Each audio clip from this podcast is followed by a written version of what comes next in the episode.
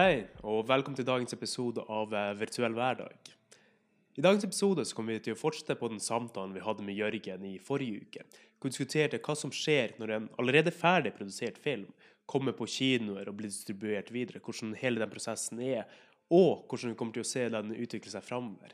Men i dagens episode kommer vi til å se litt nærmere på det norske kinomarkedet og filmmarkedet generelt. Så når en film blir skapt, hvem er det som faktisk skal se den? Og For å dekke denne diskusjonen så har vi med oss Jakob Berg. Jakob har skrevet en oppgave på akkurat dette temaet. Hvem skal se det her om norske filmer? Hvor han går inn på målgrupper, målgruppedefinisjoner.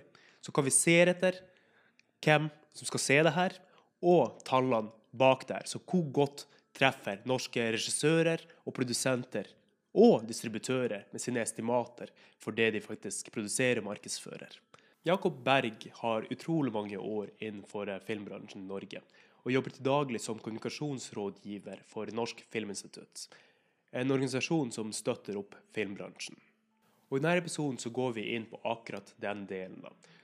Hvordan er det du lager en film for et publikum i Norge? Hvem som skal se det her? Hvordan finner du ut om de faktisk vil se det her? Og tester man i det hele tatt om det her kommer til å bli en bra film eller ikke, før man slipper den ut på kino? Dette er også en verden under ganske stor forandring. For tidligere har det ikke vært så veldig viktig for kunst generelt, ikke bare filmindustrien, å skape et verk som skapte inntekter. Før var verket i seg sjøl godt nok, og de som ville se det, kunne se det. Men eh, framover er det ikke usannsynlig at også kunstneriske verk kommer til å se et økt press av å bringe inn inntekter og publikum. Så det er en veldig interessant episode hvor vi diskuterer den framtidige utviklingen til hele bransjen, men spesifikt det med filmproduksjon. Jeg håper dere liker denne episoden. Tusen takk for at du hadde tid til å være med, Jakob. Jo, veldig hyggelig å kunne komme. Da går vi bare direkte på de spørsmålene som man aldri klarer å unngå, uansett hvilken bransje man er i. Mm. Hvordan har korona påvirka markedet for film og Film i Norge? Eh, det har påvirka det på den måten at det er jo forsvunnet nesten 90% av inntektene til eh, norske filmskapere. Og fordi eh, det er jo kinoen som er det primære inntektsvinduet for Mm. eh, inntektskilden for eh, filmer. Ja, og filmer. de står jo tom. Ja, de, de står tomme. Eh, jeg skal på kino etterpå, og jeg var inne og så på i salkartet, og det var ingen solgt. Så når jeg tar med tre små gutter, så blir det, Ja, det er helt forferdelig. stor sal med plass til 200. Mm. Det er, det er status, og, og sånn har det vært. Sant? Det er jo armod, definitivt. altså. Og, og mm, sånn at um, Det er tøffe tak, men, men akkurat i Norge så har jo um, Norsk Filminstitutt uh, har jo sørga for at uh, filmprodusenter har fått hjelpepakke. Sånn at Mm. eh, de filmene som måtte stoppe opp av produksjonene, Mm. eh, de har fått penger til å kunne starte opp igjen, sånn at de, ikke, sånn at de skal klare å gjennomføre. Og- Forstår. Eh, Så det var 85 millioner som ble satt av til det, og det er en, Heftig. en, en substansiell sum, den var satt av på Mm. bakgrunn av estimater på hvor mye som trengtes. Ja. Er det mange filmer som ble ramma? Det er vel en eh, det var akkurat en liste jeg så nå, det er vel en 14 filmer, tror Ja, jeg. Som er, og, og filmer og TV-serier sånn. Men de er i gang ennå, da. Så det, akkurat nå så er det filmer kommet i gang igjen. Ja, veldig bra. For jeg så også de vurderte om du skulle starte i gang eller ikke, fordi det var tydeligvis veldig vanskelig å få forsikring. Ja, det får man rett og slett ikke. Eh, er fordi at eh, det er forsikringsselskapene, som er veldig mye internasjonale, er ikke Ja. noen norske forsikringsselskap, de ser at risikoen for at det kommer korona på sett, Mm. er jo veldig stor. Og det har jo allerede skjedd i Ja, Norge med filmen 'Ingenting å le av'. Sånn at, um, eh, sånn at eh, sjansen for avbrudd eh, er så stor at det tør ikke noe forsikringsselskap å, å gå inn på. Mm. Derfor har det vært ytra ønske om at, eh, om at eh, staten da, skal gå inn og garantere for, i, i, i mangel på eh, forsikring. Ja, og det er jo ganske vanskelig for dem også å garantere noe sånt. Ja, også både fordi det er umulig å budsjettere, Ja. altså, som er veldig viktig i, statlig eh, Mm. sammenheng. Eh, så, så det er det. Og, og, men nå har jo England eh, vurdert en sånn ordning og har jo lagt veldig mye penger på bordet, men det må godkjennes av EU fordi de fortsatt er tilknyttet. Og det Ok. samme er Norge gjennom ESA. Så det øyeblikket den engelske ordningen da med en slags sånn statlig garanti eh, Mm. kommer gjennom, Så tar vi det godt være at copy-paste. norske- Ja, nærmest. Så det, det kan godt være det skjer, da. Men, Ja. eh, men eh, det venter vi og ser på. Sånn at jeg vet jo at eh, kulturminister Abid Raja er på saken, men, Mm. men de må se an hvordan det går eh, i EU. Sånn er det jo i veldig mange tilfeller, at vi må ja. se hva EU gjør for noe før vi får. Ja, du skjønner, jo, det er veldig greit greit å ha et eksempel foran, så har du også noen du kan peke og skylde på. Ja, man, man, man har ikke lov hvis ikke. Ja. Det, er ikke det er ikke mulig. Men uh, de 14-15 filmene og seriene som sa starta opp produksjon, de mm. bare kjører på uten den forsikringen? Ja, de er jo nødt til det. Ja. Og så, så, får vi se da hva som skjer hvis de da er nødt til å bryte, opp, eller bryte av igjen pga. korona. Om, mm. de da, uh, om, de da, får penger en gang til da, til det. eller sånn. Men uh, vi får da virkelig håpe at de nå følger alle disse smittevernreglene nøye. For mm. det, der skal det kunne gå. Og, og, Norge var veldig tidlig ute med å lage gode smittevernregler for, uh, for film- og TV-produksjoner. Mm. Uh, sånn at de er jo blitt uh, sett på av andre land når de har lagd sine. Så Norge var jo veldig tidlig i gang. Det var veldig dramaserien en Exit som er en av de første som kom i gang. Og da ble de som, som ble en case ute i Europa, da, hvor de intervjua skaperen mm. av den da, for å se hvordan de hadde fått det til. Sånn at uh, vi er i front i Norge, da. Både ja, med gjenåpning av kinoen, som skjedde allerede mm. i, i, mai, og også da i gjenopptaking av filmproduksjoner. Så det er jo, mm. Vi er tidlig på den der, men det, det har jo sin ulempe da, at ting kan skje når man ikke har det. Vi blir på pilotprosjektet. Ja, ja, det er det, men, men altså, det, det, er også foreløpig å være i front. Da er man ja. jo pioner og kan tjene på det. Jeg er enig.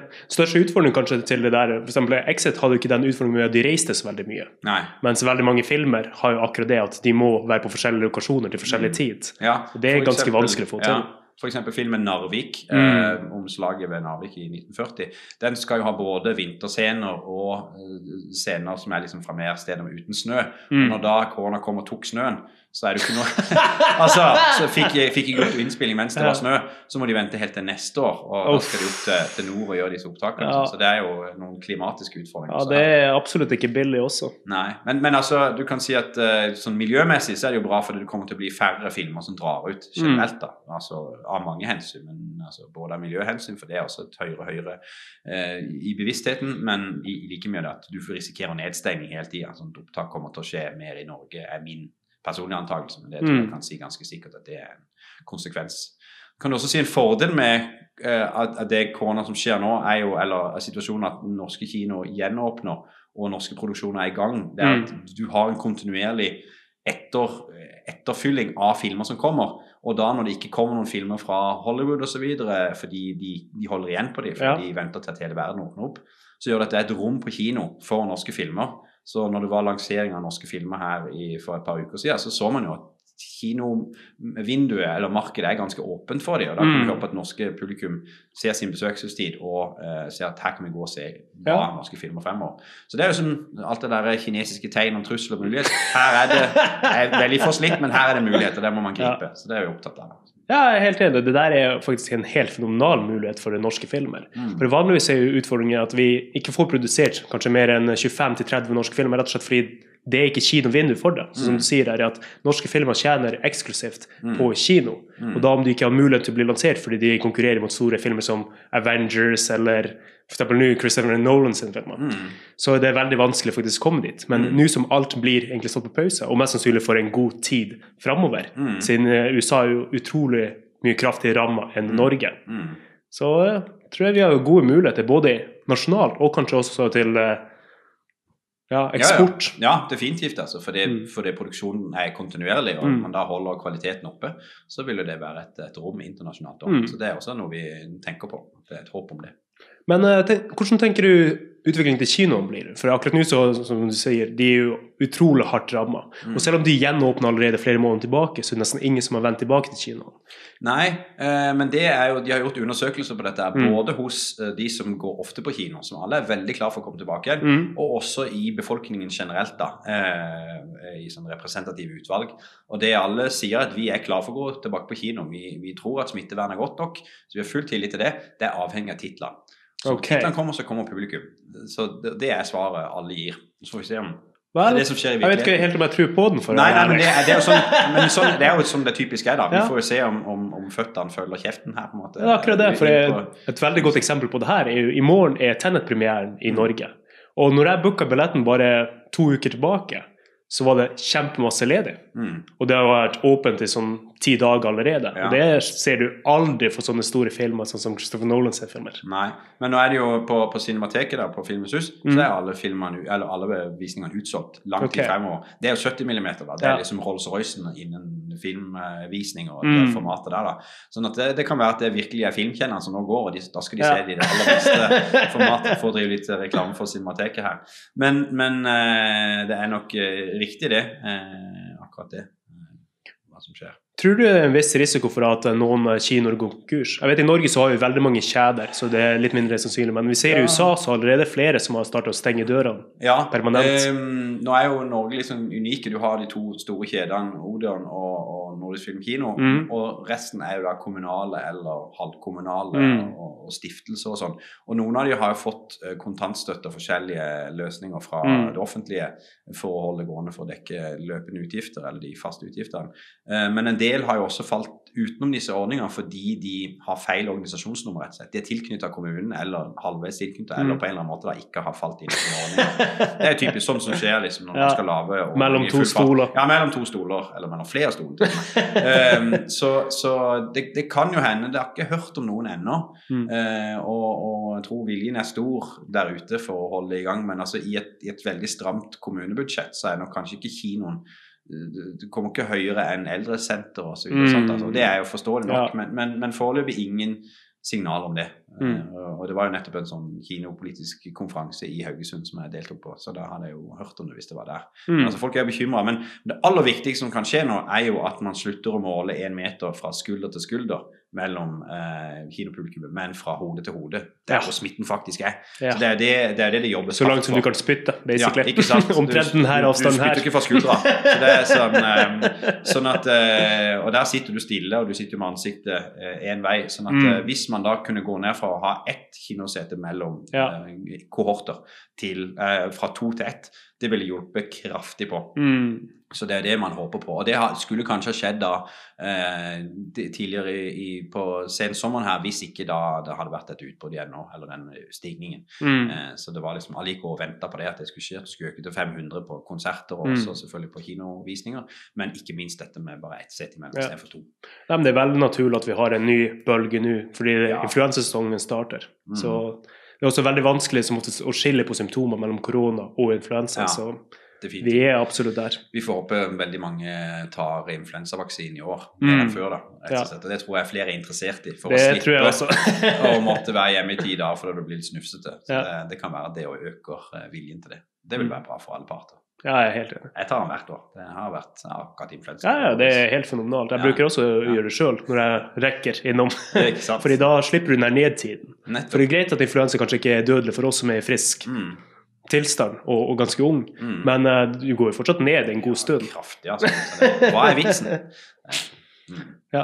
Men da har vi jo egentlig prata om kinoene og produksjonsselskapene. mm. Men eh, det jeg har fått med meg, det er at distribusjonslaget i midten, de som er ansvarlig for å ta filmen fra produksjon til kinoene, Mm. har ikke fått noe støtte. Nei, det er, det er godt registrert. Eh, og, det er de, og det er litt sånn rart, og det har jeg snakka med en del, en del distributører om. De skjønner ikke helt hvorfor det er sånn. Mm. sånn at de, og, men noen distributører valgte faktisk å søke om eh, å få offentlig tilskudd eller hjelp, og fikk det.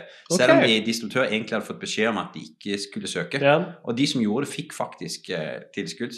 Så det, eh, det er litt sånn um, eh, mumling om i gang. Hva, hva, hva var det som skjedde her, eh, kan du si. Eh, så, så vi får se hva som skjer ved, hvis dette her fortsetter, da. Mm. Eh, så, men det er riktig, distributørene har ikke fått i denne sammenhengen her. Tror du at vi kommer til å se en form for en konsolidering der, eller at noen risikerer konkurs? For de er mye mer utsatt. De Ja, er som oftest ikke offentlig Eh, eid. Det det, det er vanskelig å si. Jeg har, Mm. ikke, jeg har ikke registrert noe sånt uh, ennå. Det er jo ikke så mange sånne aktører i Norge. Det er to store, så er det en, en, en gruppe med Mm. ganske små. Uh, så det er vanskelig å si, men jeg, jeg tror egentlig ikke det. altså. Nei. Så, jeg har ikke noe inntrykk av det. Hva ville konsekvensen vært om de hadde faktisk gått ned? At vi ville hatt et mindre utvalg av filmer, eller? Ja, i, til slutt så hadde det jo det, da. For Mm. det, altså, eh, man kan jo prøve å distribuere selv, eh, Mm. selvfølgelig. Det er, jo, det er jo filmskapere som setter opp distribusjonsselskap fordi eh, for, å, for å få filmen ut på kino, så må du jo noen ganger selv bli distributør hvis ingen av de eksisterende distributørene ser at denne filmen her kan vi tjene penger på. Mm. har ikke tro på denne filmen her, så gjør Mm. det selv. Men altså, det å være distributør det skal vi sikkert snakke litt mer om når vi går inn på min uh, masteroppgave. Mm. Er jo en, er jo en kunnskapsaktivitet. altså du skal, Både skal du ha kjennskap til alle kinoene i Norge og kjenne kinosjefer, få dem til å sette Mm. opp filmen din og programmere den riktig og kjøre trailer for filmen osv. Så, Mm. så det er mye sånn kontaktvirksomhet du må ha der. Men også skal du kunne dette med målgruppearbeid, og du skal kunne markedsføring, du skal kunne Mm. eh, den delen av lanseringen. da. Så det, det, det, er, det er ikke gjort av, hvem som helst. altså. Det krever både kunnskap og kontaktnett. Mm. Så det, det tror jeg er krevende, altså. Ja, absolutt. Det er en grunn til hvorfor det er en egen bransje. Mm. Men jeg føler også det er en veldig god Segway til masteroppgaven som du skrev. Segway. ja, en overgang, som eh, Overgang. vi kan også kalle det. Ja. Mm. hvor du skriver en oppgave om hvem som faktisk skal se det her.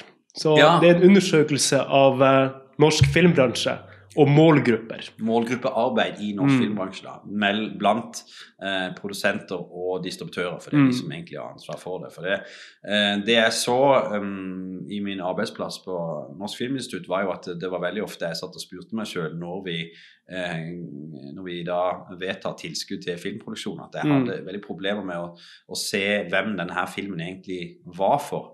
Eh, og det spurte jeg meg også om når jeg så eh, filmen, og når jeg så kampanjen og, og lanseringsarbeidet som var gjort for filmen. Ja. Og til slutt, da når jeg så hvem som faktisk hadde sett filmen her, hva var det som skjedde her? Så Mm. Derfor så, så bestemte jeg meg for, når jeg skulle skrive en masteroppgave i medievitenskap, at jeg ville se på dette med, med målgruppearbeid i norsk Mm. film. Og også se hva som ligger bak av, um, av, av vitenskap og av tall og analyse, og hva som er egentlig bare sånn ren erfaring og ryggmargsfølelse blant Mm. disse distributørene og erfarne filmprodusenter.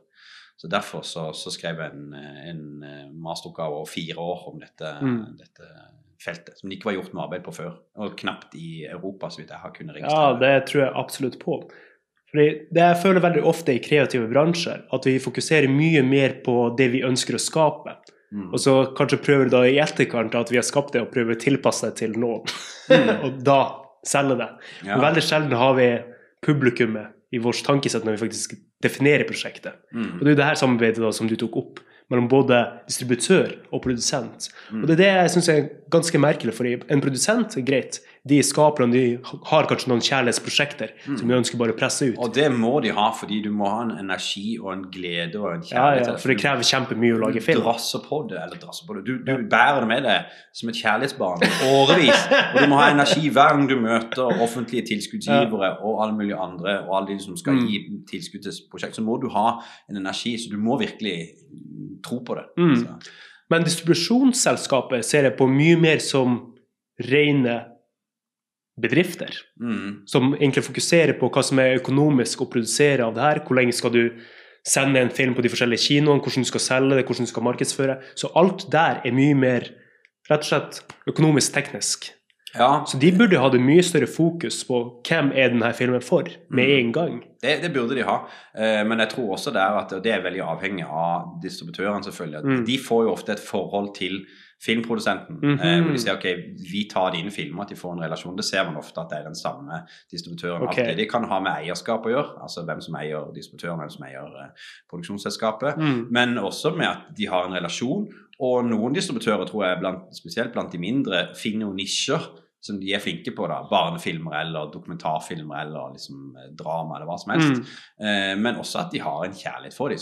At Noen vil jo ikke jobbe med filmer de liksom ikke brenner for og har en tro på sjøl, de syns er bra, liksom. Mm. Eh, Sånn at, eh, mens de større tar jo mer, kan du si, for det er de jo nødt til for å ha omsetningen de trenger. Mm. Eh, Så, så det er nok en kombinasjon av det at det både er altså at noen, noen ting gjør de av hensyn til, til bunnlinja til omsetningen, mens andre er av, av ren kjærlighet. da. Mm. Men, de, men distributører er jo også inne og investerer i filmer da, ved å gi en såkalt MG, en minimumsgaranti, da, som Mm. en del av produksjonsbudsjettet. Eh, sånn at eh, de, de, de må jo ha en tro på det eh, fra første stund. da. Eh, Ja, absolutt. det er er dermed som- penger i det. Ja, så de er på en måte dermed eh, investert både økonomisk, men også i eh, kunstnerisk på en eller annen måte da, Mm. i det, kan du si. Eh, selv om de kunne vært mer kyniske eller sånn i teorien, da. Ja, for det er også en annen ting du tok opp der, er at det, arbeidsrelasjonen mellom eh, distribusjon og produksjon er veldig, veldig dårlig definert. Ja, den er veldig, Veldig og uklar. Altså det, det, det, var, det var ikke alle som engang hadde en, en formell avtale rundt hvordan det gjordes. da. Såpass. Eh, og, og noen av de hadde det, men det var ikke noe som var noen sånn stor sak. da. at, eh, rett og slett håndhilsen. Ja, bare sånn, nei, vi gjør det sånn som Ja. sist, nærmest. Altså. Eh, men, men jeg har ikke sett sånne avtaler, så det kan godt være de, de finnes, men at, de Mm. er, sånn, at det er bare en formalitet. Da. Jeg forstår. At ikke det eh, jobbes mye. Og det, det kan også si med at de har lang relasjon og har gjort dette mange ganger før. og Det er jo det er veldig nøye sånn med inntektsdeling og, Mm. sånt da, fra eh, hvem som skal ha hva, og hvem som får utbetaling først når, når det kommer noen inntekter. altså det er Mm. sånn prioritet eh, fra det. Og Der er distributøren veldig høyt i den prioriteringslista. Det kalles prioritet null. De begynner ikke på prioritet én, prioritet null, faktisk. Og det betyr at de de første blir betalt? Ok. Rett og slett, rett og slett. Hvordan er de vanlige prioritetene? Det, det varierer eh, ganske mye, og jeg, det er ikke helt sånn at jeg er dypt inne i dette. Men jeg vet iallfall at eh, de som har uh, distributører, er iallfall prioritet Ja, okay. null, og så kommer jo ja, noen forskjellige. Så det, det Ja, ja. jeg helt Det går jo egentlig hånd i hånd med det jeg sa, at de er egentlig økonomisk fokusert bedrift. mm, Så det er veldig rart at de ikke bruker tall mye mer. For det var en av de tingene som du kom fram til i oppgaven din, er at det finnes nesten ingen data på noe av det her. Nei. Og det er ingen som bruker det som er engang. Nei, altså det, det er jo Noen av mine funn er jo at det de bruker, er jo eh, besøkstall fra Mm. tilsvarende filmer. Mm. Og så bruker de mm, eh, demografi, altså hvem, hvem som har vært og sett tidligere filmer. For det er Mm. noe som måles da gjennom en sånn publikumsundersøkelse uh, som, eh, som gjøres eh, på filmer over 50 000 besøk. Så Mm. filmer under det får du ikke tall på, for det blir ikke stort nok. Utvalg til å ta det. Og Det er de to tingene som finnes. Og så er det noen av distributørene som gjør det som kalles en want to see-undersøkelse. Hvor Ja. da undersøker i befolkningen da, eh, har du hatt lyst til å se en sånn film som dette. Hvordan gjør du det? Det kan være en, en, en presentasjon av et synopsis. At du forteller Mm. her er handlingen. Sånn en mann møter kvinne på buss, og bussen ble kapra, og de må reddes ut. Altså, helt, Rush. ja, tenk, tenk ut av det. Eh, og så er det sånn Har du hatt lyst til å se en sånn film? Ja eller nei? Så er det sånn, ja, og hvem er du? Ok, du er i den målgruppa. Du er mann, kvinne, den og den alderen, osv. Hvor bor du i Mm. landet? Og det kan være et grunnlag. Det er en want to Ja. see-undersøkelse. Det der høres ut som det kan være veldig veldig vanskelig å få et realistisk bilde. Selvfølgelig. For Altså, Mann kryper i ventilasjonsanlegg for en skyskraper Ja. i USA. ja. Det- Die hard. Banner masse. Kjempegøy. Ja, Ja. Eh, Men, men det, det gir i hvert fall en indikator, så kan man grave lenger og lenger Ja. ned i det til man får enkelte segmenter innunder den. Så de lager ikke sånne eh, korte sketsjer eller filmer eller En pilot, mener du? Ja, Eh, Det eksempel. skjer det også, Ja. altså, men, men lite i Norge. Altså, det, det, det har jeg vel knapt vært på. Ja, for det kan jeg se for meg er ikke så veldig vanskelig å gjøre nå lenger med moderne teknologi. Vi har veldig mange engines, som f.eks. både Unreal og Unity, Mm. som kan skape ganske fotorealistiske bilder, hvor du Mm. kan kjøre gjennom med eksisterende karakterer og få frem de scenene. Ja, det er nok en del uh, det, det høres spennende ut. Jeg har ikke vært borti det. Um, Mm. Jeg tenker umiddelbart hva som skal bare høre hva, hva, hva vil en, en produsent eller distributør si. Altså, de vil si ok, men vi vil ikke avsløre skuespillerne eksempel våre. Ja, og, og hvis vi forteller om handlinger for noen, og de sier nei, så er jo på en måte brukt opp et skudd i kammeret. Altså Det kan være en motforestilling mot det, Ja. men man kan gjøre det for en veldig utvalgt mindre gruppe. og Mm. Teste det og se om dette her vil funke. liksom Liker du Ja, så lenge de ikke går på nett og ja, ikke sant? Hvis du, hvis, du får, hvis du får se det i et lukka rom, at ikke det er noe som sendes ut, Ja. men at man gjør det. eh, Og, Og så Men en black memory wipe etterpå. ja, ikke sant? eh. Men, men det, og, og det finnes helt sikkert muligheter for å gjøre det der. Og det man kunne gjort, var jo selvfølgelig sånn som at vi har jo to eh, som vi så vidt om, at vi har to kinokjeder i Norge større. Mm. Eh, og en av de har jo et godt sånn eh, CRM-system, altså en publikumsbase. Mm. Og de er jo veldig flinke til å bruke det til å både eh, ha forevisninger og teste want to see. Eh, Mm. Gjør jo de eh, på eh, en målgruppe de tror er der, eh, som de har full kontroll på med Mm. alder og eh, kjønn og bosted osv. Og, så Mm. og da kan du jo se det, og da kunne du gjort det med de. At du inviterte de til en visning på en film og sånn. Men før du ser den, så skal du få se dette klippet her. Hva syns du om det? For eksempel. Ja. Altså, sånn at, og jeg har meldt meg på sånne grupper sjøl, bare for å se hvordan det funker. Og det funker jo utmerket. Da, men det er jo sånn for å gi tilbakemelding på en film. Da får du en Mm. invitert til en forevisning. Eh, og så får du bare et, en, et skjema på, en mobil, på mobilen etterpå hvor du skal fylle ut hva du syns, og hva du syns om Mm. karakterene osv. Så, videre, så det, Ja, det der Det er vært veldig veldig effektivt. Det er ingenting som er mer effektivt enn den type feedback direkte fra dine konsumenter. ja, ja, rett på. Så det, det har vært fullt mulig å gjøre. Mm. Eh, så så det, det er en mulighet.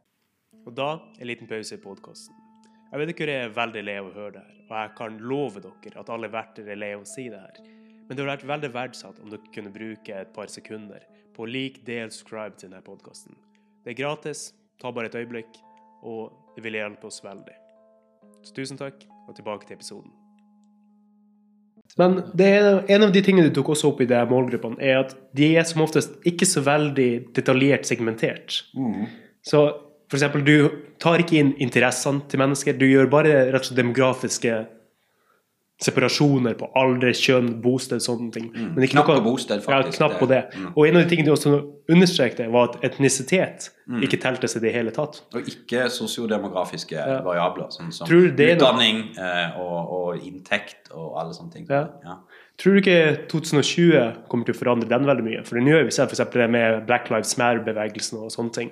Hvor mye det faktisk har å si. Jo, det, det tror jeg. Og jeg tror jo også at eh, dette med representativitet i Mm. film Det kan man jo se allerede fra, fra USA, altså hvordan de er blitt veldig flinke der til å bruke eh, mer eh, mangfoldige Mm. eh, grupper mennesker på, på lerretet. Man Mm. ser liksom eh, de, Alle de siste filmene jeg har jeg blitt veldig obs på nå, da, så ser jeg at de er utrolig mye flinkere til å bruke hele Mm. befolkningen inn.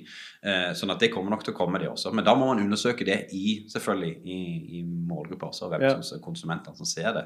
Så spørsmålet her er jo bare hvordan får man tak i de dataene der? ikke sant? Eh, For det har man jo på, eh, på strømmetjenester. De har jo full kontroll på dette. her. Det er derfor ja, du sitter på ja, Netflix og skal, du skal velge hvem du er i familien. Yep. for å si sånn. At de skal ha kontroll på hvem som ser hva. Så jeg liker å drive og se med andre sine profiler da, Mm. for å tulle det til for dem.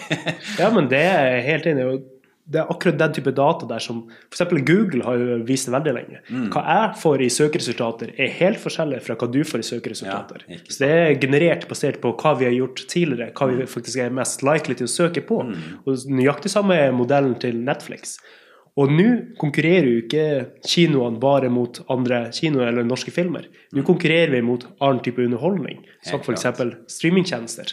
Det, men det, jo, det, det kan du si at det vil jo koronaen bidra til. For det nå Mm. går det ikke an lenger eh, å gå inn på kino og bare kjøpe en billett som en uh, ukjent person. Mm. For de må jo vite hvem som har vært i salen. Mm. Og da har du Vipsen masse informasjon, men spørsmålet er hva de gjør med den, og hvor mye er forbrukeren informert om hva de gjør med det. For det er jo stordata som er ekstremt interessant. Mm. For da har du exit polls med en gang, for det har vært en utfordring for filmene. Det er jo også en ting jeg skriver om oppgaven, at det mangler jo kunnskap at den, den helga hvor filmen har premiere, så vet du akkurat hvem denne filmen har truffet. Ja. eh, som går til å sette den. Og det vet man ikke i dag. Det har vært snakk om at det skal investeres i sånne systemer. Men nå trenger du faktisk ikke det lenger. For nå har du jo informasjonen. For nå kjøper folk billett og må jo registrere seg på en eller annen Mm. måte. Og da kunne man ha henta det ut på den måten her. Spørsmålet er bare hva GDPR og sånne ting gjør med det. Ja. Men her ligger mulighetene der allerede. Eh, så da må det være samtykkebasert osv. Så, videre og sånn. så da må du gi eh, forbrukeren en eller annen form for fordel ved å gi fra seg det. Altså, sånn, Mm. eh, og det er jo det da, de gjør, disse. Det ene kinokjeden som har sånn system da, som gir deg eh, gratis billetter hvis du kjøper så så mange og kjøper godteri Ja. alt mulig. Altså. Men hvordan vil det her gagne kinoen? Da må det jo være gjennom salg til f.eks. distribusjon eller produksjon av denne type informasjon. Ja, for det er allerede for sent Ja, ja, ja, det, ja det, det, det, vil jo være det, men altså, det kan jo generere eh, flere som går og ser den filmen på kino. Mm. For når du vet ok, den, den traff eh, helt spesifikt eh, La oss si Burning 3, da. Mm. Treffer eh, folk fra Lillestrøm og nordover, Mm. eh, men 27, liksom. Bang, Ja. Da har du ok, Da er det bare sånn ok, sosiale medier, da, da, da, du Mm. treffer de helt perfekt. Du trekker til deg flere av de. Ja. Men det er vel ikke kinoen som gjør den type Nei, markedsføring? det, det er ikke det, men de vil jo tjene på det. Så Mm. dette er jo en, en symbiose. Alle har jo interesse av flere kommer på kino. Så det, Ja. dette bør jo være en byttehandel. Men ikke sant? da har de jo selvfølgelig stordata som de Mm. kan eh, bytte eller selge. eller på en Ja, måte. det høres helt perfekt ut. Men altså, sånn dette er jo et samarbeid, så alle er jo i samme verdikjede. Så det bør vil være helt klart i interessen. Og en annen ting er jo dette her nå som, eh, nå som strømmetjenestene lenge har visst om det, og, og Netflix har jo sittet veldig tett inntil brystet om Mm. den kunnskapen, for de vet at det er det mest verdifulle de har, nesten. Mm. Så er det jo sånn at um, nå er det jo en del pålegg rundt omkring i Europa om at de må dele det med å De har jo nekta å gjøre det i Norge, f.eks.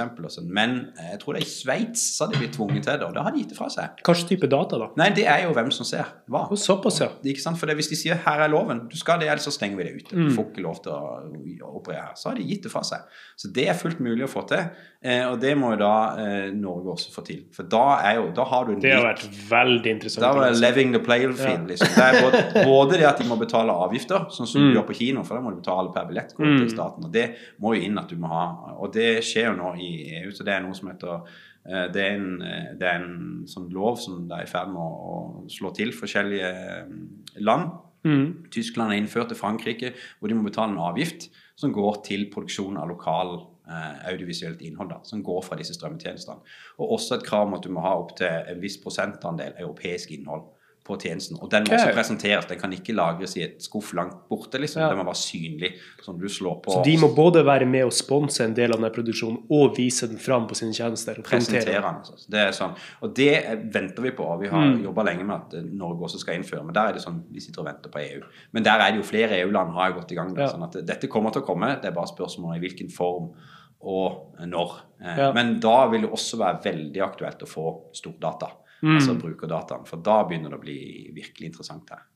Men blir den dataen som er tilgjengelig nå, brukt i det hele tatt?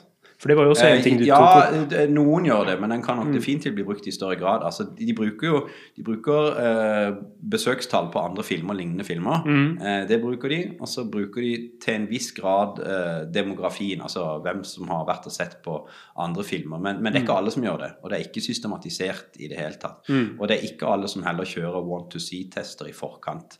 Så det er, det er mye fort som kan hentes inn og av alle aktørene her for Mm. å få at de har den samme kunnskapsgrunnlaget. Og dette er jo kunnskap som er fritt tilgjengelig for de eh, Mm. gjennom eh, rapportserveren til Filmweb. Der får du vite besøkstall. Brutt ned til hver eneste kino i landet. så du kan se, og Dermed kan du se også hvilke region, regioner en film slår an. Mm. Sånn at eh, Bølgen ble f.eks. sett ganske mye mer i Sogn og Fjordane enn den ble sett på Østlandet, f.eks. Mm. Selv om det ble sett mye overalt. da. Så ser man at det er regionale forskjeller. sånt er veldig interessant, for da kan du, ok, her er det en interesse, da kan vi skru opp eh, markedsføringen i det området der. Mm. Så, så det, her er, det er jo en, en masse kunnskap som ikke brukes ennå av, av, av filmskapere. Eller av produsenter og distributører. Ja. Er det her bare en ting som er i Norge, eller tenker du det er sånn overalt i Hollywood også? Eh, For jeg vet jo litt mer penger flyter også i Hollywood versus Ja, Norge. det er jo um, der uten at jeg, har ikke så den. Men altså, der er det jo eh, Den samarbeidsånden er nok ikke tilsvarende der som det er i Norge. Da, på måte, sånn at Det vil nok være tøffere konkurranse og mer holde kortene inn til brystet Mm. mellom de forskjellige aktørene, så de ikke deler like mye. Eh, men de har jo sentraliserte rapportsystemer, f.eks., sånn at Mm. alle så du skal vite eh, besøkstall osv. Men hvordan de er på demografi og sånn, det tør jeg ikke si. Men jeg, jeg vil tvile på at de er like delene som man er i Norge på dette her. Mm. Eh, Og, og, og det er jo veldig lite kunnskap der heller. Og ingen kan jo spå hva som blir en suksess. Det eneste man vet, er at uh, sequels, altså oppfølgere, uh, selger bra, så veldig få tør å satse på Ja. nye titler og originalt materiale. Det er jo det strømmetjenestene tør. Og det er derfor det er en sånn tvega sverd. Er Hvorfor jeg- tror du vi har den forskjellen der, at eh, strømtjenestene tør å satse litt mer nytt? Det er fordi altså um, Det er fordi at de fordi har jo, de har jo metta markedet så til de grader på det breie, breie markedet. Liksom. Den Mm. klassiske uh, barnefamilien er liksom De er på. Så for måten for de å utvide sitt marked på, er å lage veldig spesifikke ting for spesifikke Mhm. undersegmenter. Dermed får du uh, uh, vet ikke, Ja, for de har ikke visningsperiode. Altså en eller annen veldig smal nisje. Som da, de, da klarer de å mette markedet totalt. Da, kan Ja, si, liksom, Spre seg utover. Og dermed får du ganske smale ting som plutselig kan bli i det spesielle ligger det generelle. Ja. Sånn det det. Så Det blir jo på en måte Amazon-strategien. mm, At du ikke trenger å ha noe tilgjengelig før du faktisk blir kjøpt. Og det er en longtail-strategi. For det vil jo treffe noen folk over lengre tid. Ja. Men du er ikke like avhengig av å vise det på kino i løpet av to ukers periode og få alle dit, Nei, nei, som norske film, du, du kan, og det ligger i bredden i det, at Mm. alltid skal holde det gående. Men at de, har de tør jo, har ha enorme summer til å lage skikkelig spennende, veldig kreativt utfordrende ting. da, Som er mm. The Irishman, som ble lagd til slutt, finansiert finansiert uh, Scorsese-filmen der. At Netflix bare sier ja, vær så god, mye skal du ha. Ja. Der kommer han. Og Roma, denne svart-hvitt meksikanske filmen. Fantastisk. altså. Det er jo sånn, De bare har penger til det og gønner på. Og det tør jo ikke uh, de filmprodusenter som driver bare for kino å, drive med. sånt. Mm. Er en del av problemet kanskje at det er veldig dyrt både å få film på kino Jeg vet jo at kostnaden er veldig høy. Ja, det man før sparte Altså Før så brukte du masse penger på å lage kopier. Eh, altså at hver skulle være en fysisk eh, Mm. Ja, ja. analog kopi. Det koster masse masse penger. Mm. Mens nå er det borte, for nå er jo alt digitalisert. Mens nå er jo pengene i å få det på kino. Altså Ja. Markedsføring koster enormt. Det er jo der. Ja, det er det jeg leste også. For store amerikanske filmer, som f.eks. Avengers-filmer, så bruker du 100 millioner dollar på å rett og slett markedsføre. Ja, hvis du, hvis du tenker, du kan tenke deg at du har produksjonsbudsjett på ja, la oss si 100 millioner dollar, Ja. så går det 50 millioner til På bare markedsføring. markedsføring. Mm. Så det er enorme summer som går med til det. Ja, og det er jo en utfordring Netflix ikke har. For De kan jo bare lime den øverst som en banner. si 'Har du Ja. sett denne filmen?' Ja, den er, den er til det. Ja. Da-da. Eh, men det blir jo veldig spennende nå, da. Eh, og det er hvis du, hvis du, hvis du liker å, å, å gamble litt på, på børsen. Eh, Mm. Så er jo Hvem liker ikke det? Nei, men nå, nå, skal, jo, nå skal jo snart eh, Disney lanserer Mulan, ikke det? Eller, Mm. Ja, skal lansere den bare på strømmetjenesten sin. Sin egen strømmetjeneste. Da hopper de over kinoleddet Mm. eh, i det hele tatt, så de slipper å betale noe til de. Da går det rett til de, og det skal selges en sånn premium eh, VOD for det 30 dollar, altså Mm. ca. 300 kroner. Pluss at du må betale 5 dollar eller 50 kroner for å være med i Disney sin strømmetjeneste. Mm. Og vips, så får du, du får alle dataene fra de som har kjøpt det. Og eh, de går rett på der. si. Så du hopper over kinoen. Okay, du, så det blir veldig spennende. Mm. Ja, så nå kan kan kursen til Disney gå enten rett ned eller rett opp. Så det, det er som å satse på rødt eller svart i, Ja. i, i, i, i rulett, altså. Rett og slett. eh. Men der er veldig, veldig, veldig interessant, syns jeg. For video on demand har jo vært noe som har vært mulig veldig lenge. Men det har ikke fungert i det hele tatt. Det har rett og slett ikke tatt noen markedsandeler. Så de hadde jo både det, Moviepass og lignende type selskaper som prøvde å se kan vi selge kinofilmer hjem. Og det har vært null suksess. I Norge så er det rundt 5% av markedet som er da video on demand, eller mindre, hvor inntektene kommer fra. Men tenker du at det her kommer til å forandre seg over tid? At vi klarer å få mer og mer ut av det? Selv om det har vært tilgjengelig Altså, så lenge? du mener mer og mer inntekter ut av Nei, men at det blir mer populært. Nå blir vi ja, altså, opp til at, det at du, du kjøper eh, kinofilmen den øyeblikket den kommer på kino. yes, Istedenfor Sånn å faktisk dra på kino, Day så ser and du date, som det kalles. Yes. Eh, veldig interessant, og det blir jo den mullaen en eh, lakmustesten Ja. på. da, så da, da får vi se det, hvordan det går. Eh, men altså, du kan jo se sånn rent sånn økonomisk da, for en familie, for det er jo rent regnestykke da, Mm. du skal ta med en familie på kino og se den, så er det liksom, ok, to voksne, 140 kroner billetten, 280. Så har du barn, 120 kroner billetten. Hvis du har tre barn, da, så er det 360 pluss 240, eh, nei 280. Eh, det blir da 600 kroner. Eh, og så skal du ha bilen dit og parkere den. 100 kroner der, 700 kroner skal du ha godteri. 1000 kroner Ja. å gå på, på kino der. Så kan du ta for 300 og kjøpe, lage popkorn hjemme. Ja, ja. Så det kan være det. Så er det, da er det liksom opplevelsen som da mangler. Det å gå sammen og få Mm. he, helaften ut av det. Så det, og, og det er jo, der er det jo en del som sier sånn Nei, vi vil gjerne se den hjemme og ha hyggen med det. Men jeg tror de to tingene kommer til å gå hånd i hånd. da, At, Mm. at eh, man vil gjøre begge deler. Innimellom så kommer på kino, innimellom så tar man det. Så jeg, jeg tror ikke de ekskluderer hverandre. Fordi det er såpass stort altså Markedet er jo enormt, og vi er jo kjempestore konsumenter av film. vi Mm. ser jo, Folk ser jo film hver eneste dag. Så noen ganger så vil man se film på kino. liksom. Mm. Det er jo det man bare, Nå er jeg lei av å se hjemme, og spesielt nå etter korona. at det er bare sånn, Jeg må komme ut litt. Jeg må se litt folk og gå på et offentlig toalett for en gangs skyld. Det er sånn, bare for, bare for å prøve det. Akkurat den følelsen Ja. der, og du føler at du lever. Ja. Offentlig toalett. Ja. sånn at eh, jeg, jeg tror ikke det kommer til å dø ut til noen. Nei. Det er bare, det Markedet er større enn som så. rett og Mm. Med tanke på at de, I Norge er det jo ikke aktuelt, men de kinoene som har gått konkurs i USA, så har vært diskusjon om f.eks. sånne tjenester som Disney kommer til å kjøpe det opp og vise sine egne filmer der. Det- For da går de forbi det her leddet hvor de må betale veldig stor andel av sin visning. Mm. Jeg tror I Norge så er det rundt 60% som går til kino. Det stemmer nok, ja. Mm. Det er noe sånt. Det, det ligger vel i Film og Kino sine årsrapporter, tror Ja. jeg, den fordelingsnøkkelen. Uh, men det høres uh, noe riktig ut, det. Eh, Så det kan godt være at det skjer. Og igjen, stordata du får fra det. For Mm. nå i korona så må de jo få vite hvem som har vært på kino. Så da Ja. vet du alt om eh, hvem det er. Sånn. Eh, så, så det kan godt være. Og Netflix har jo allerede kjøpt seg inn i kino for å ha en kinovisning. For å kunne bli De Oscar-nominert. har gjort det? Ja, I ja. Norge? Det- Nei, ikke i Norge, men i USA har de gjort det.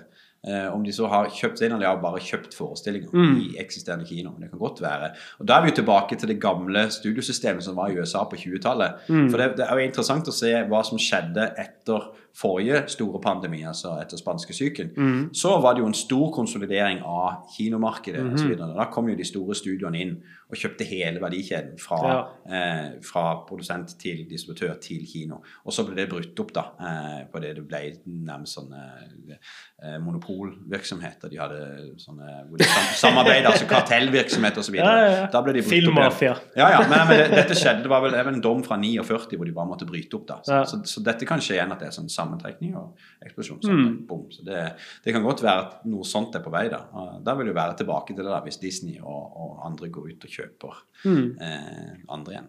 Så det er interessant Ja, det er absolutt en ting vi risikerer. Mm. For alt handler om data. igjen. Ja, ja. Hvem det er som treffer de.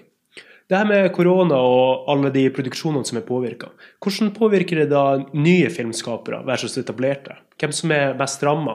For jeg regner med de etablerte får noe støtte til å fortsette videre. Mm. Og da puffer det på en måte ut nye filmskapere. Åh, det er vanskelig å si Mm. um, hva som skjer med det. det sånn som det er, Uansett så er det jo en, en, en, et, et krav nærmest for en ny filmskaper, om det så er en produsent eller regissør, at de må tilknytte seg en erf- erfarne folk i mange ledd. At du må ha noen som har en, en track record som Mm. viser at de har lagd ting før. Så, så du må gjennom det eh, eh, nåløyet der for å komme ut. Så, så hva slags konsekvens det vil ha, er ikke så godt å si. Men, men altså, det blir jo ikke lettere. altså Hvis du ser det fra USA, hvor de satser på etablerte ting Mm. og ting som de vet, så, um, så det er jo veldig avhengig av tilskuddssystemene bak. da, og se Mm. Hvordan skal man løfte opp talenter og, og nye aktører. og sånn. Men nå jobbes det akkurat nå med å, å se på tilskuddsordningene fra Filminstituttet. Det har jo blitt eh, skrevet litt om de siste i fagpressen for film. Mm. da, eh, Hva som skjer. Så det er jo veldig i støpeskjeen. Men det kan godt være at det forandrer seg nå etter, etter nyttår, faktisk. At, Men når vi tar bare de øverste ja, hovedtrekkene av det, hva er forandringen som skjer i støtteordningen? Eh, Det som diskuteres nå, er rett og slett hva man skal gjøre med det som kalles etterhåndstilskuddet. Som Mm. er eh, eh, penger som eh, produsenten får eh, basert på hvor mye billetter de har solgt. Så du, Mhm. får, du, eh, du får et tilskudd krone for krone. Hvis du har solgt for eh, ja, eh, 10 millioner, så får du 10 millioner fra, eh, fra Filminstituttet. Som er en sånn belønning da, for å ha klart å selge bra. Eh, Skjønner. eh, men, men problemet er at da er det veldig mye av eh, instituttets fondsmidler som går til automatiske ordninger. Så man ikke har kontroll på det. Tallet vokser år for år. Og det blir mindre igjen til å, til å kuratere hvilke produksjoner som får. Eh, og det har blitt så stort når det er tall at det er man nødt til å se på. Så det, Ja, så en av de viktigste tingene er det å se på hvordan kan man eh, redusere det antallet som går til automatiske ordninger, og mer som kan gå til å gi filmtilskudd på forhånd. Og Det som er interessant, er jo et av forslagene er at man skal gi mer til eh, utvikling. Altså Mm. før filmen går i produksjon, sånn at den er liksom gryteklar Mm. når den kommer til, eh, til produksjon. Og da kan man jo se på at det kanskje blir mer piloter. Ja, Eh, og da for å kunne hente mer penger internasjonalt. Så man er i- på retning på at mindre etter, mer før, er vel egentlig jeg er veldig, veldig for det der. Men det, dette er på forslagsstadiet Ja. foreløpig. Det skal ut på høring og diskuteres. Mm. Det skjer akkurat nå, den diskusjonen der. Ja, for jeg vet jo at NFI også hadde en støtteordning for eksempel manusskriving. Mm. Og de har det fortsatt. Men det er noe som man ikke har gitt noe støtte på for ganske mange år, ifølge de rapportene som dere publiserer. Uh, ja, det vet jeg Altså, det, det kommer an på Det er forskjellige Ja. måter det skjer på, da. Men, okay. altså, men, men manusutvikling og manusskriving skal selvfølgelig uh, fortsette. Ja, for det kunne jeg tenkt meg at NFI vil ha en større rolle i. For Ja. å se at det her er noe som appellerer til publikum. Ja, ikke bare man skriver for sin egen del. Men, men det, det må nesten overlates til eh, de som holder på med dette. Mm. Altså, man må jo uh, igjen uh, Man skal ikke drive og sitte og styre. Det må jo være en armlengdes avstand Mm. mellom uh, den kunstneriske prosessen og de som tar stilling til hvem som skal få eh, penger. da, som man kan Mm. gå inn og styre når vi vil mer og mer av det. Selv om det selvfølgelig jobbes noe mer med at det skal være mer representasjon, og historien skal fortelles, skal reflektere hele Mm. samfunnet og alle eh, borgere. Men, men at, eh, og, og det, det som vil skje, er nok at det blir mer eh, arbeid mot at de manusutviklingene som skjer, skal være mer retta mot altså at de er på vei mot produksjon. Mm. At ikke man skriver bare for å skrive. Ja, det er det er på vei et sted. Ja. Det, er sånn. Men så, det har jo selvfølgelig alltid vært ønsket, da. Men Mm. det jobbes mer med det nå. Men det de, er på forslagsstadiet, det også. Mm. Veldig interessant. Det blir spennende å se hvordan denne forandringen kommer til å utvikle seg. Fordi jeg tror nå som teknologien har påvirka filmbransjen såpass mye, og det er tilgjengeliggjort at vi kan til og med sitte og gjøre det her, her nå, bare som en amatør, Mm. til veldig høy kvalitet, så tror jeg veldig mange som kommer til å starte å entre den bransjen der, både med influensere som skuespillere og amatørfotografer og filmskapere som kommer til å være kapable til å lage full on feature films. Mm. Så om de får den støtten de trenger eller ikke for å lykkes i Norge, eller om de blir da med en gang trukket inn i større land som USA, Mm. er jo det som blir spennende å se. da. Det blir spennende. Mm. Det gjør det. Det som er viktig i en sånn arbeid, når man, når man kjenner og, og får mer kunnskap om hvem som er målgruppa, hvem som er der Mm. ute, er jo at man ikke må begynne å la seg styre av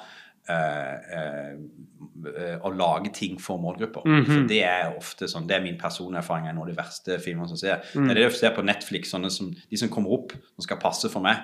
eh, Som, som er bare eh, helt grusomme Ja. møkka actionfilmer. Du ser de er lagd for å treffe et visst segment som er tydeligvis Hvor de bare krysser på alle boksene. Ja, det, er bare, det, det er altså så dårlig. Så, Ja. så det, det må ikke begynne der. Det må begynne med en idé, og så må man rett på hvem det skal være for. Men Mm. ikke først målgruppa, og så ideen, for det blir bare ræl. Altså. Ja. Det er kjempeviktig. Så det, og, men, men, men sånn, som, sånn som NRK jobber, er jo veldig spennende. F.eks. Mm. dette med den serien 18 og 17, og nå kommer jo 16 også. Så vidt. jeg. Det vet jo mine barn har en 14-åring hjemme, og de snakker masse om det. Nå kommer 16, og hva skal den handle Mm. og så videre. Og De er utrolig flinke til å reise ut og snakke med eh, de i målgruppa. Hva skal historien handle om, og hva er viktig for dere, og Så, videre. Mm. så det har jo vært en veldig pioneraktig måte å jobbe på, da, som også man ute i Europa og verden har vært interessert i pga. hva som skjedde med Skam, da, hvor Mm. utrolig bra den var. Det handler veldig mye om å snakke med Ja, absolutt. Det har jo ikke vært mulig å skape uten å faktisk ha de samtalene der. Nei, For de som er filmskapere når de er 40-50, ikke peiling Det er akkurat det.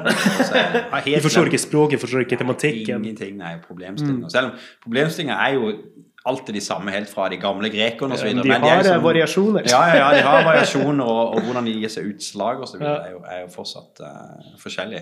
Så det, det, det går an å tenke ok, vi, vi må lage noe for den gruppa der. Mm. Men derifra så må du gjøre noe annet enn å tenke vi skal akkurat lage for de, og så Mm. bare lager vi noe. Da må du ut og snakke med de. Hva er viktig for deg? Så. Nå er vi akkurat uh, to uker forbi Amandaprisen Mm. og utdelingen der. Var det noen overraskelser der for deg? Nei, det er jo Alle de nominerte filmer er jo glitrende. Mm. Eh, det er jo bare synd at så få har sett dem. Men det er interessant nå å se om i og med at eh, barn da, som henta ni priser, om den Mm. får et oppsving. da, sånn Folk tenker nå må jeg gå og se den. Eh, og jeg så det var sånn kritikk, eller det var sånn bekymring da for at én film kunne dra med seg så mye.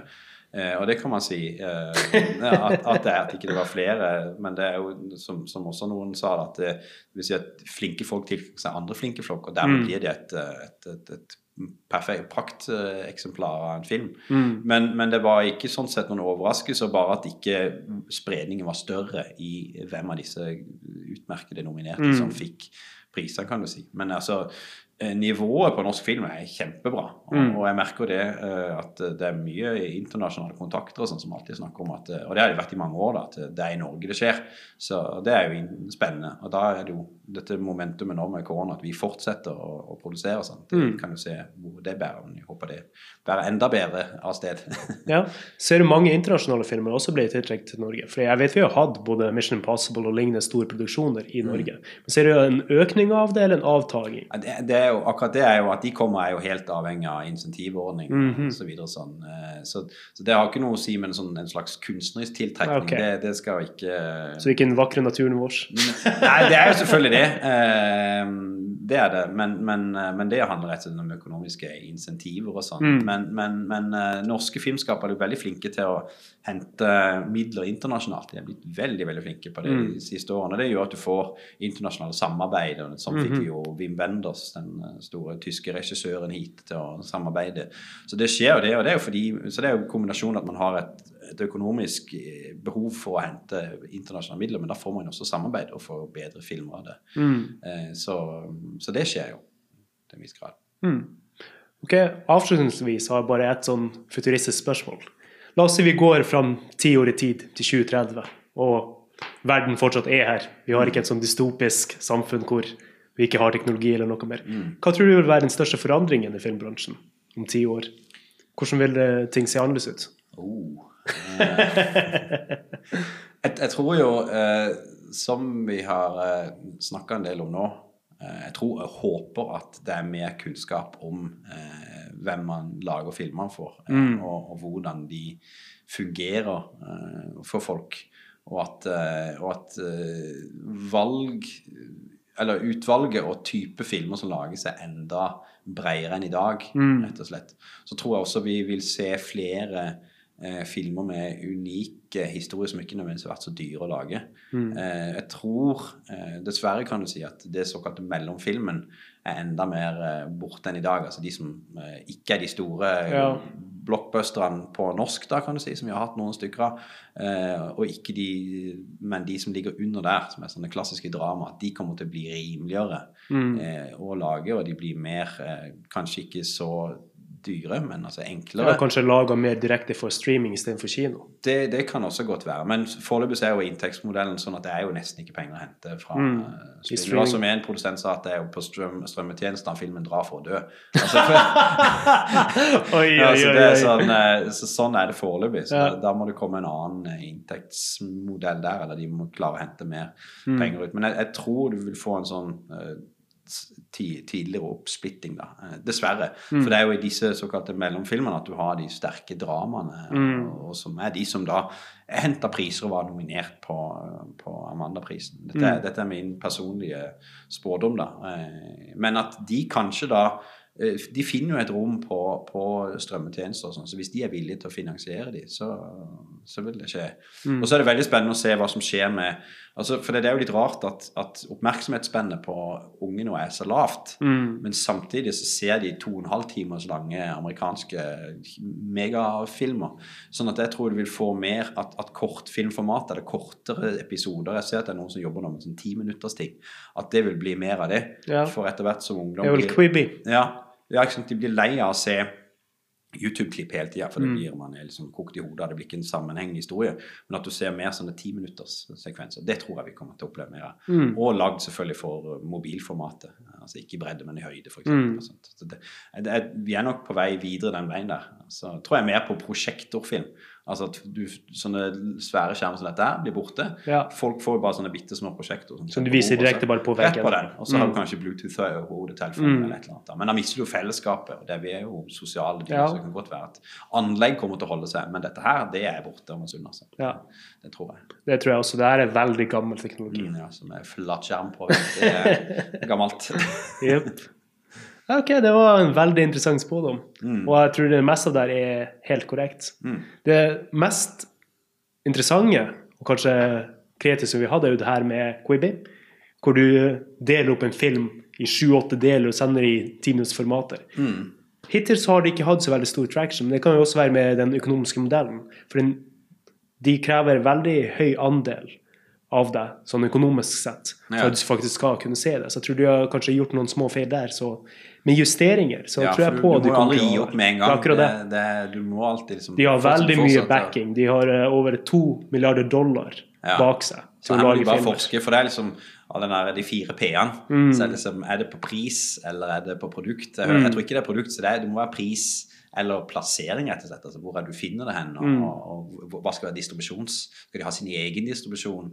Blir utvalget stort nok der, eller må de inn på de eksisterende plattformene? Det vil jo ikke de være interessert i, Mm. for alle skal ha hver sin. Hva gjør de så? Så det, de har en utfordring der, for Apple tar sin, Amazon har sin. Ja, ja, ja, det- absolutt. det, det blir vanskelig. Og så er spørsmålet hva skjer med de norske filmene oppi dette, da? For Mm. I og med at de ikke får nok inntekter fra de andre, skal man lage Det har vært diskusjon om at, eh, at nordisk, eh, altså på nordisk plan skal man ha en nordisk tjeneste. Vil For det være- streaming. Ja, for streaming. Vil Mm. det være interessant nok for publikum til å gå og se det?